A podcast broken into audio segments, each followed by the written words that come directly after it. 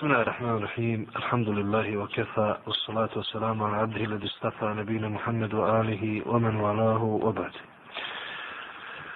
jedno po jedno poglavlje približavamo se kraju ovog velikog dijela imama Nebevije Rijadu Salihin i stigli smo do e, poglavlja o zikru Kitabul Azkar Bab Fadlu Zikri Val Hasi Alih o poglavlju o vrijednosti zikra i podsticaju na njega.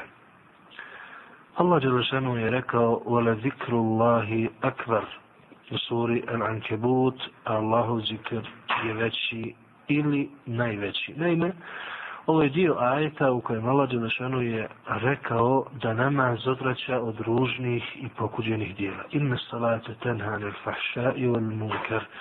Namaz u istinu odvraća od ružnih i pokuđenih dijela. Wala zikru Allahi.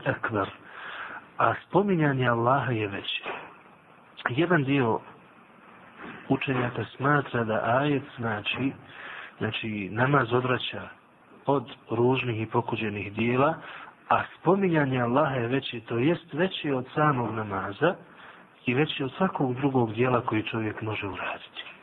Znači spominjanje Allaha. Drugo, neki drugi kažu, Ule zikrullahi ekvar, a Allahovo spominjanje je veće, po tome bi značilo, kao da se kaže namaz odvraća od ružnih i loših dijela i to je vaš spomen Allaha Đelešanu. Međutim, Allahovo spominjanje vas je veće od vašeg spominjanja njega. Ove zikru Allahi akbar. A to što vas Allah spominje kad njega spomenete, onda je to mnogo, mnogo veće. Jer kao što kaže jedan od učenjaka, lijepo je i fino kada čovjek spominje svoga gospodara, ali još uzvišenije i još je ljepše kada gospodar spominje svoga roba.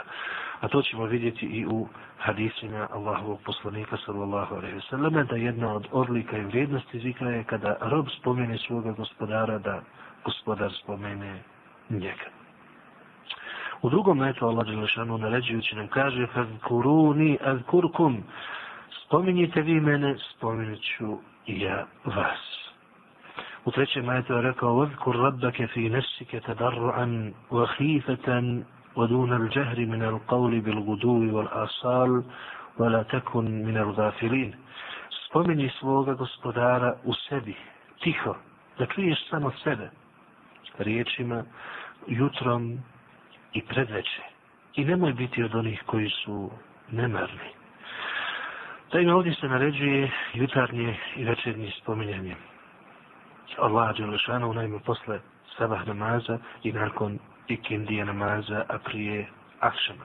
Vola tako ne gafilin i ne budi od onih koji su nemarni, što znači koliko čovjek to ne radi i ne praktikuje, da se smatra od onih koji su nemarni prema Allahovom zikru.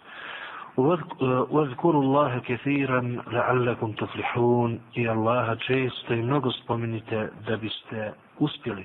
Kažu učenjaci, malo je, odnosno gotovo svi farzovi koje Allah Đelešanu propisao imaju određenu granicu i imaju određeno vrijeme i slično. Jedino spominjanje Allaha Đelešanu nema granice i nema određenog vremena. Spominjati Allaha Đelešanu treba puno, kao što je i sam rekao, vezkur Allaha kefiran, la'allekum tuflihun, a Allaha spominjete često i puno, da biste uspjeli, to jest sačuvali se onoga što ne želite i dobili ono što volite i tražite.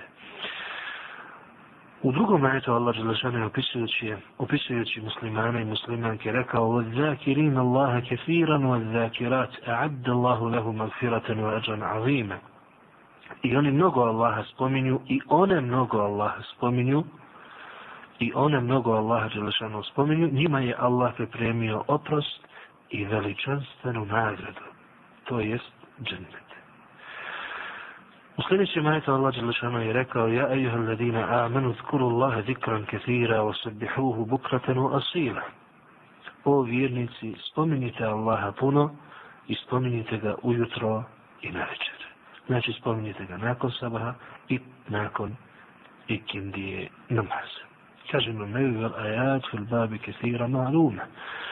U vezi s ovim ajeta ima mnogo i oni su poznati. To su bili neki ajeti koji podstiču ljude na zikr i koji govore o nekim vrijednostima i odlikama zikra. A Ebu Hureyre radijallahu anhu kaže nam da je poslanik sallallahu alaihi wa sallam rekao كلمتان خفيفتان على اللسان ثقيلتان في الميزان حبيبتان إلى الرحمن سبحان الله وبحمده سبحان الله العظيم Dvije riječi su lahke na jeziku, znači lahko ih izgovarati, a teške su na vagi, a milostivi ih voli, to jest Allah Đelešanu voli te riječi. Subhanallahi wa bihamdihi, subhanallahi l'azim. Neka je slavljen Allah i hvaljen, neka je slavljen Allah veličanstveni. Ovo su nam prenijeli imami Buhari i imam Muslim. Interesantno je da je imam Buhari ovim hadisom zapečatio ili završio svoj sahih svoju zbirku hadisa. Otpočeo ju je sa hadisom, djelo se vrednije prema namirama, a završio je s ovim hadisom koji govori o zikru i onome što Allah Đelešanu voli. A ovaj hadis nas uči sljedećem. Prvo, da Allah Đelešanu voli zikr, jer kaže poslanik sa sveme ovdje, habibetani va rahman, milostivi ih voli, subhanallahi wa bihamdihi, subhanallahi alim. Sljedeće uči nas da je velika nagrada za zikr. Jer kaže poslanik sallam thaqila tani fil mizan. Teške su na vagi. Također nas ovo uči da će dijela biti vagana.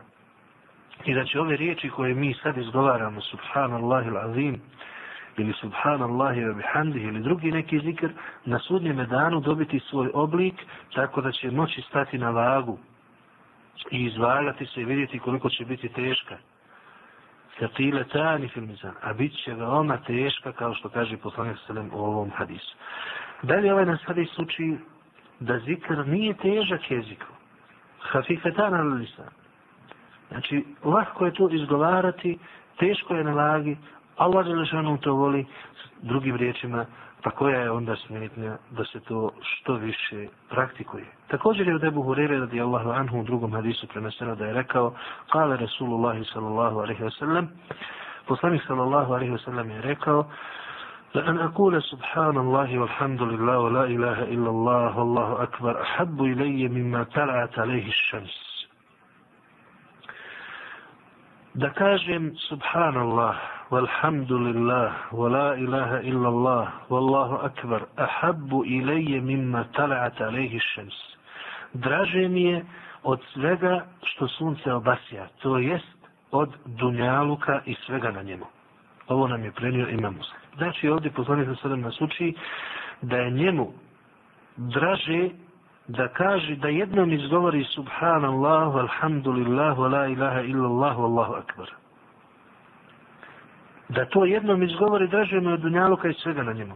Ove hadis osim, osim što nas uči vrijednosti ovoga zikra, uči nas i tome da jedna ahiretska rečenica, za koju čovjek očekuje nagradu za ahiretu. Koja je vezana za Allah, što ono, vrednija je od dunjaluka i svega što nemo. Što nam ukazuje kolika je bezvrijednost dunjaluka ili ako hoćete vrijednost ahireta u odnosu na dunjaluka. Također je od Ebu Hureyre preneseno da je poslanik sallallahu alaihi wa sallam rekao Men kale la ilaha illa Allah vahdehu la šerike lahu lehu l-mulku wa lehu l-hamdu wa huwa ala kulli še'in qadir fi jevmin mi'ete marra kanat lehu adlu كانت له عدل عشر رقاب وكتبت له مئة حسنة ومحيت عنه مئة سيئة وكانت له حرزا من الشيطان يومه ذلك حتى يمسي ولم يأتي أحد بأفضل مما جاء به إلا رجل عمل أكثر منه. كستتن بوتا كاجه. لا إله إلا الله وحده لا شريك له له الملك وله الحمد وهو على كل شيء قدير. Kao da je oslobodio deset robova. Bit će mu izbrisano stotinu grijeha i dobit će stotinu cevapa i taj cijeli dan bit će čuvan od šeitana. I niko neće moći doći sa boljim, boljim dijelom od njega, osim čovjek koji je uradio više od toga. Znači, ovaj hadis na slučaj koliko je vrijedno izgovoriti ovaj zikr svako jutro i svako veče. Pa poslanik se nam ovdje kaže, ko kaže tu taj zikr, la ilaha illallah, vahdehu, wahdehu, la šarike lahu, lahu l-mulku, wa lahu l-hamdu, wa huwa ala kulli še'in qadir. Ko to kaže stotinu puta, prvo, kao da je oslobodio deset robova. A poslanik sallallahu alaihi ve sellem u jednom hadisu kaže, ko oslobodi jednog roba, Allah će osloboditi njega džehennemske vatre dio tijela za dio tijela. Pa čak ruka za ruku, noga za nogu, oko za oko i sl.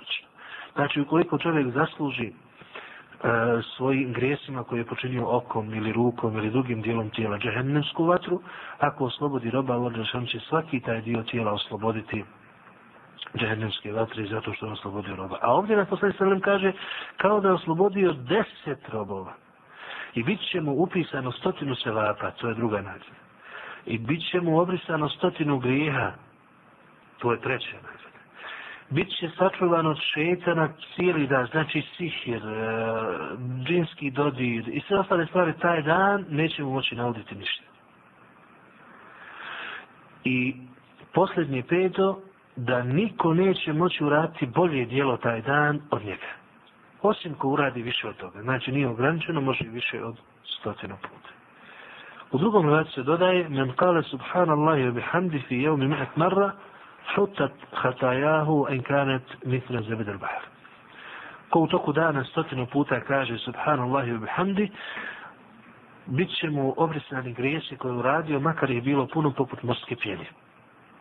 Znači ovo su velike nagrade za spominjanje i zikr, a poslanstvo se nam kaže hafifetani ala lisan, lahke na jeziku. A Ebu Juba Ansari radijallahu anhu kaže nam da je poslanik sallallahu alaihi wa sallam rekao Men kale la ilaha illa Allah vahdihu la šerike leh, lehu l-mulku, lehu l-hamd, wa huwa ala kulli še'in qadir. Ašra marrat. Kana kemen ataka arba anfusi mi waladi Ismail. ko kaže la ilaha illa Allah wahdahu la lahu al-mulku wa lahu al-hamdu wa huwa ala kulli shay'in qadir 10 puta znači ovaj isti prethodni zikr samo ako se ograniči na 10 puta kao da je oslobodio četiri roba od Ismailovog potomstva. Znači ovdje nas poslanik sa salame uči da je Ismailovo potomstvo najodabranije na, ovo, na ovoj zemlji. A iz tog potomstva je Muhammed sallallahu alaihi wa sallam najodabraniji čovjek. I naravno što je porijeklo roba veće i vrednije i njegovo oslobađanje veće i vrednije. Pa se ovdje napominje to i kaže kao da je oslobodio četiri roba iz tog potomstva. Ismailovog, alaihissalam. A Ebu Zer radijallahu anhu kaže nam da mu je poslanik sallallahu alaihissalam rekao Ala uhbiruke bi ahabbil kelami ila Allah. Inna ahabbal kelami ila Allah subhanallahi wa bihamdi. Hoćeš li da ti kažem koji je govor najdraži Allahu Đelešanu. Najdraži govor Allahu Đelešanu je Subhanallahi wa bihamdihi. Neka je slavljen Allah i hvali.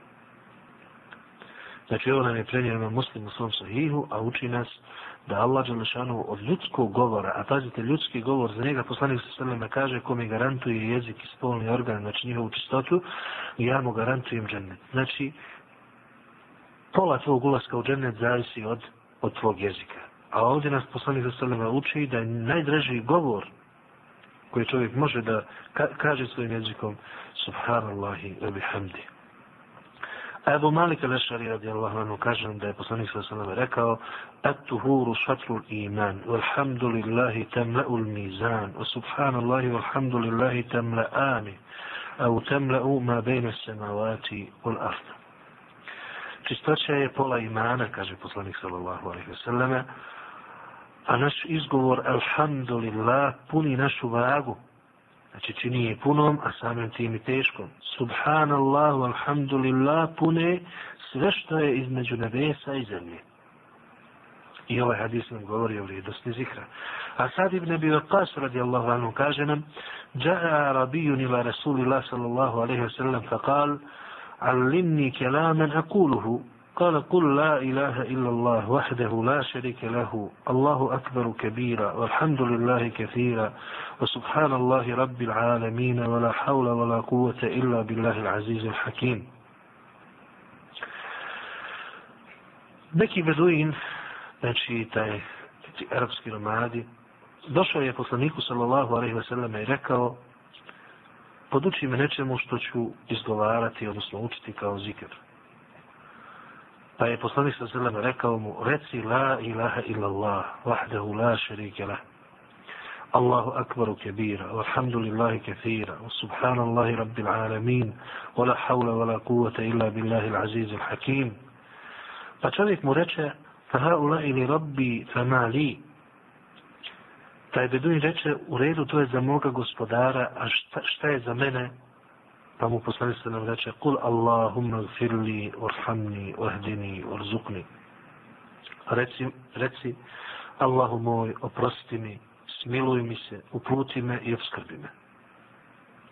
Znači ovdje Beduin, inače njihova logika razmišljanja svodi se na to da razmišljaju i o sebi, pa ovdje kao da poslaniku za srljame kaže u redu time hvalim svoga gospodara, sve su te riječi upućene mome gospodaru, njega hvale i veličaju, a šta da kažem za sebe, da bih ja imao nešto od toga, pa mu poslanik sa srljame kaže, reci Allahu moj, oprosti mi.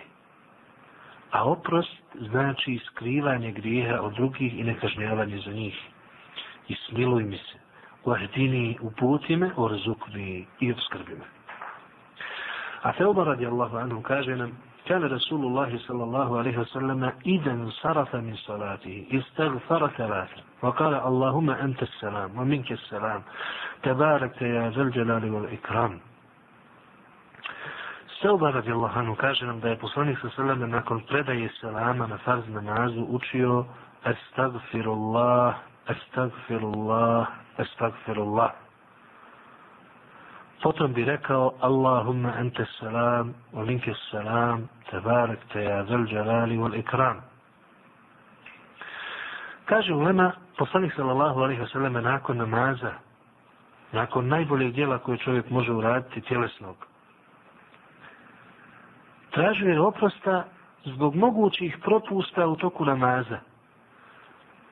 Jer u svakom namazu čovjek propusti nešto ili odluta nekada ili ne bude baš prisutan koliko treba, pa je poslanik sallallahu alaihi wa sallam nakon selama i nakon izlaska iz namaza molio i tražio oprost.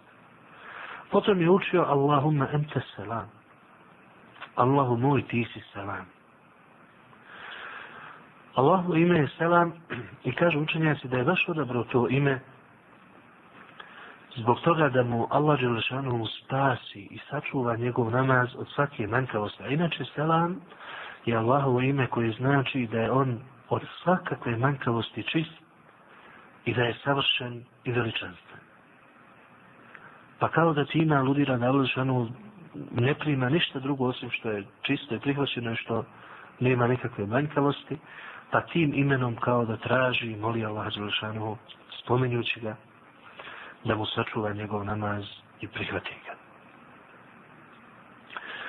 Leuzai, jedan od prenosilaca ovog hadisa, kad su ga upitali kefe li stikfar, kako se čini stikfar, rekao je da kaže estagfirullah, estagfirullah. Znači ono što smo mi rekli, rekli smo da nakon predaje se vama treba reći estagfirullah, estagfirullah, estagfirullah.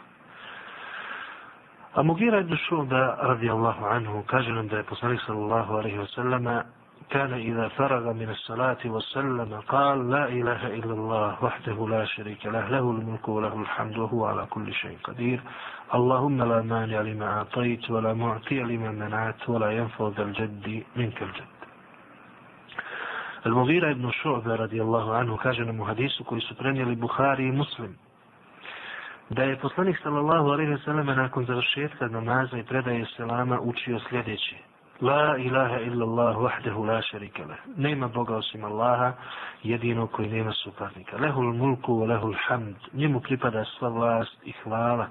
Pa huwa ala kulli še'in qadir, a on je samoćen. Allahumma la mani ali ma antajit. Allahu moj, niko ne može uskratiti što ti daš. Wala mu'tija lima menat i niko ne može dati što ti uskratiš. Wala yanfa'u dhal jaddi minkel jadd. I nikome neće koristiti njegovo bogatstvo, njegov ugled, njegova vlast i slično od tebe. Znači, minkel jadd, neko ko je ugledan i ima porijeklo i porodicu ili ima bogatstvo i slično, to mu kod Allaha Đelešanu nimalo neće koristiti.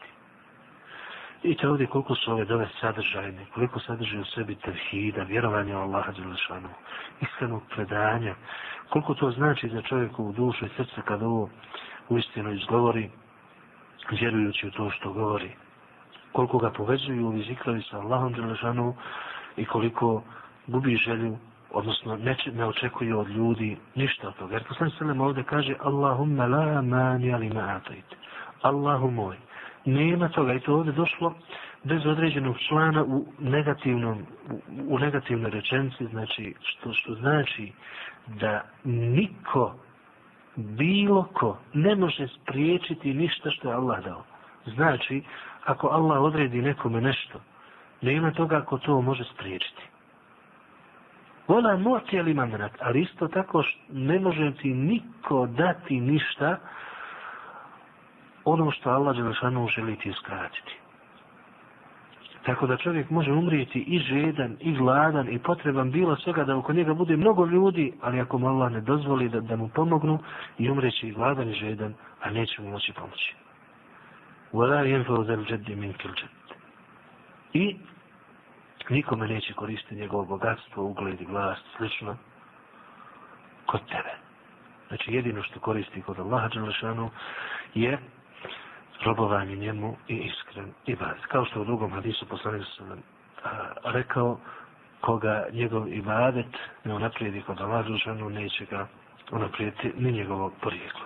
Abdullah ibn Zubair radijallahu anhu e, kaže كان يقول دبر كل صلاة حين يسلم. لا إله إلا الله وحده لا شريك له له الملك وله الحمد وهو على كل شيء قدير. لا حول ولا قوة إلا بالله لا إله إلا الله ولا نعبد إلا إياه له النعمة وله الفضل وله الثناء الحسن. لا إله إلا الله مخلصين له الدين ولو كره الكافرون. Poslanik sallallahu alaihi wa sallam je izgovarao na, nakon svakog namaza, nakon predaje selama, ovdje nam precizira ovaj ashab, a inače hadis je prenio ima muslim u svom sahihu. Izgovarao je la ilaha illallah vahdehu la šerike la. Lehu mulku, lehu il hamdu, huwa ala kulli šein qadir. La havla, la kuvata illa billah. La ilaha illallah, Wa la na'budu illa ijah. Lehu nijmetu, lehu il fadlu, lehu il fena'u il hasan لا إله إلا الله مخلصين له الدين ولو كره الكافرون Ibn Zubair je govorio da je poslanik sallam ovo izgovarao nakon svakog farz namaza. Znači i ovdje nas poslanik sallama uči i ovaj asab nam prenosi šta trebamo učiti nakon farz namaza i još nas uči da je to nakon predaje selama u farz namazu. A Abu Hureyre radijallahu anhu kaže nam da su siromašni muhađiri dosu poslaniku sallallahu alaihi wasallam i rekli ذهب أهل الدثور بالدرجات العلى والنعيم المقيم. يصلون كما نصلي ويصومون كما نصوم ولهم فضل من أموال. يحجون ويعتمرون ويجاهدون ويتصدقون. Ti siromašni muhađiri kada su došli, rekli su bogati nam odnesoše sve visoke stepene i vječna uživanja, klanjaju kao što i mi klanjamo, poste kao i mi, ali imaju viška i metka. Pa oni obavljaju hađ, odlaze na umru, bore se na Allahovom putu, udjeljuju sadaku i tako dalje. A poslanik sallallahu alaihi wa sallam im reče, Ela uallimukum še'an tudrikune bihi men sadakakum وتسبقون به من بعدكم ولا يكون أحد أفضل منكم إلا من صنع مثل ما صنعتم Hoćete li da vas podučim nečemu, čime ćete stići one prije vas, preteći one, one posle vas, i niko neće moći uraditi bolje od vas, osim ko uradi isto kao i vi. Kalu bela ja Rasulallah rekoše naravno Allahu poslanić. Qalu tusabbihun wa tahmadun wa tukabbirun kulli salatin 33. Poslanik sa sallam im reče, recite subhanallah, alhamdulillah, Allahu akbar. Nakon svakog namaza 33 puta.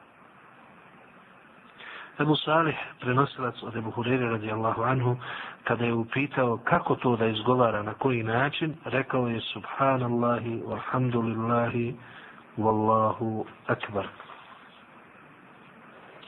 Sve dok ne, ne bude 33 puta od svake. Znači, iz ovoga vidimo da je lijepo što se i praktikuje kod nas. Uglavnom, 33 puta reći Subhanallah, 33 puta Alhamdulillah, 33 puta Allahu Akbar, nakon svakog namaza. Muslim dodaje na svoj rivajet, a inače prethodni su zabilježili Buhari i Muslim zajedno, a Muslim još dodaje farađa fukara'u l-muhađirin ila Rasulillahi sallallahu alaihi wa sallam faqalu semija ihvanuna ahlu l-amual bima fa'alna ففعلوا مثل فقال رسول الله صلى الله عليه وسلم ذلك فضل الله يؤتيه من يشاء Došli su muhađiri ponovo kod poslanika sallam i požalili se, rekli, naša braća bogataši čuli su šta smo uradili, pa su i oni počeli to raditi. Pa im je poslanik sallallahu alaihi wasallam rekao, to je Allahova blagodat koju daje kome hoće. Taj im je metak, kome Allah zašanu dadne, da može njime postići Allahovo zadovoljstvo i njegova blagodat koju daje kome on hoće. Znači, iz ovog hadisa, osim vrijednosti ovog zikra, zaključujemo i kakva je bila generacija prvih muslimana i zbog čega su oni uspjeli i uradili ono što nisu što nije niko posle njih? A to je njihovo takmičenje, nadmetanje u sticanju Allahovu zalašanog zadovoljstva i dženneta. I njihovo prije svega razmišljanje na taj jedan način. Znači oni su razmišljali o tome kako oni da postignu veći stepen. A to nas isto tako uči da ima nije samo, nije samo u srcu i, i na jeziku, nego je iman i u dijelima. Zato ashabi, ovi siromašni, rekli su odošli oni sa visokim stepenima. Znači, oni su vjerovali da visoki stepeni kod Allaha Đelešanu. I blagodati da ti zaslužuju se dijelima koje čovjek učini, a ne samo vjerovanjem u srcu i izgovorom na jeziku što se jasno vidi iz ovog hadisa i načina na koji su razmišljali radi Allahu anhum. Također je on prenio od poslanika sallallahu alaihi wa sallam da je sve sallam rekao men sebbaha Allah fi dubura kulli salatin thalathan wa thalathin u hamid Allah thalathan wa thalathin u kabbar Allah thalathan wa thalathin u kale tamam al mi'a la ilaha illa Allah wahdahu la širike lah له الملك وله الحمد وهو على كل شيء قدير غفرت خطاياه وإن كانت مثل زبد البحر Ko nakon svakog namaza kaže 33 puta Subhanallah, 33 puta Alhamdulillah, 33 puta Allahu Akbar, pa stoti put kaže La ilaha illallah, vahdehu la šarike, lah lahu mulku, lahu alhamdu, hu ala kulli šein qadir, bit će mu oprošteni grijesi, makar ih bilo mnogo poput morske pjene. وكاب بن عجرة رضي الله عنه كاجن من ذي صلى الله عليه وسلم ركا معقبات آه، لا يخيب قائل آه، قائلهن أو فائلهن دبر كل صلاة مكتوبة. ثلاثا وثلاثين تسبيحة وثلاثا وثلاثين تحميدة وأربعا وثلاثين تكبيرة. كو ناكن ساكو نمازة إزغوري 33 puta subhanallah 33 puta alhamdulillah i 34 puta Allahu akbar neće izgubiti i neće propasti. Znači, ovi hadisi, prethodni 3-4 hadisa, govori nam o tome šta trebamo i kako trebamo učiti zikr nakon uh, farzova namaza. Pa vidjeli smo da na nekoliko načina može se izgovarati i zikr subhanallah, alhamdulillah, Allahu akbar i svi su ispravni, nije ništa problematično od toga. A sad ibn Abi Waqas radijallahu anhu kaže nam da je poslanik sallallahu alaihi sallam kana yata'awad dubura salati bi haula kalimat Allahumma inni a'udhu bika min al-jubni wal-bukhl وأعوذ بك من أن أرد إلى أرذل العمر وأعوذ بك من فتنة الدنيا وأعوذ بك من فتنة القبر Sad ibn Abi Waqas radijallahu anhu kaže nam da je poslanik sallam e, na kraju svakog namaza učio sljedeću dobu. Allahu moj i ja ti se utječem od e, kukavičluka i škrtosti. Utječem ti se od duboke starosti. I utječem ti se od iskušenja dunjalukom i utječem ti se od iskušenja u kavolu. Ovo nam je prenio imam Buhari. Allahumma inni a'udhu bika min al-jubni wal-bukhl. Allahu moj, ja ti se utječem od kukavičluka i škrtosti. Naime, interesantno je da posle se velim škrtost i kukavičluk često spominje zajedno u dovama. E, zato kažu učenjaci kukavičluk je škrtost tijelom, a e, tvrdičluk ili škrtost je škrtost i metkom. Utječem ti se od duboke starosti. Naime, to je, kao kažu učenjaci, čovjek sa 40 godina dostigne svoju punu zrelost. Naravno, da nakon pune zrelosti počinje zalazak. To je jedan vrhunac čovjeka i nakon toga počinje čovjek u, u tom zrelom dobu da, za, da ka zalasku. I poslanik sa selema ovdje utječe se Allahu da taj zalazak bude predalek i previše kada čovjek dođe na taj stepen da više ne zna za sebe i da bude više teret drugima i da mora i sebe i druge mučiti sa tim. Znači to ste erzel umur, znači te godine kada čovjek više nije u stanju da vodi računa o sebi. I utječem se od iskušenja dunjalukom, fitnesu dunje. Poslanik sa sveme kaže, svaki umet je imao svoje iskušenje, a mo, iskušenje mogu umeta je i metak. Znači taj dunjaluk, to je iskušenje ovog umeta. Naročito ovo vrijeme, ovo takozvano potrošačko vrijeme kada se sve svelo na trgovinu što je predznak sudnjega dana. Znači svi ti iskušenja, iskuše, iskušenja sa dunjalukom, dunjalučkim dobrima i slično kako se čovjek ponaša, velika su to iskušenja koje, koje, koje su mnogi odvele, odvela od vjere. Zato poslanik sredem iskušenje, odnosno Allah Đelešanu u ajetu, iskušenje dunjalukom spomenuo je zajedno sa šeitanovim zavođenjem zajedno sa šeitanovim zavođenjem pa je rekao, neka vas ne zavede u Allah Đelešanu šeitan i neka vas ne zavede dunjaluk. Što znači da je zavođenje dunjaluka veliko i opasno za čovjeka. Iskušenje u kaboru, naime kada čovjek bude spušten u kabor, bit će iskušan i pitan za ono što je radio, za troje, kome je gospodar, koja mu je vjera i kome je poslanik.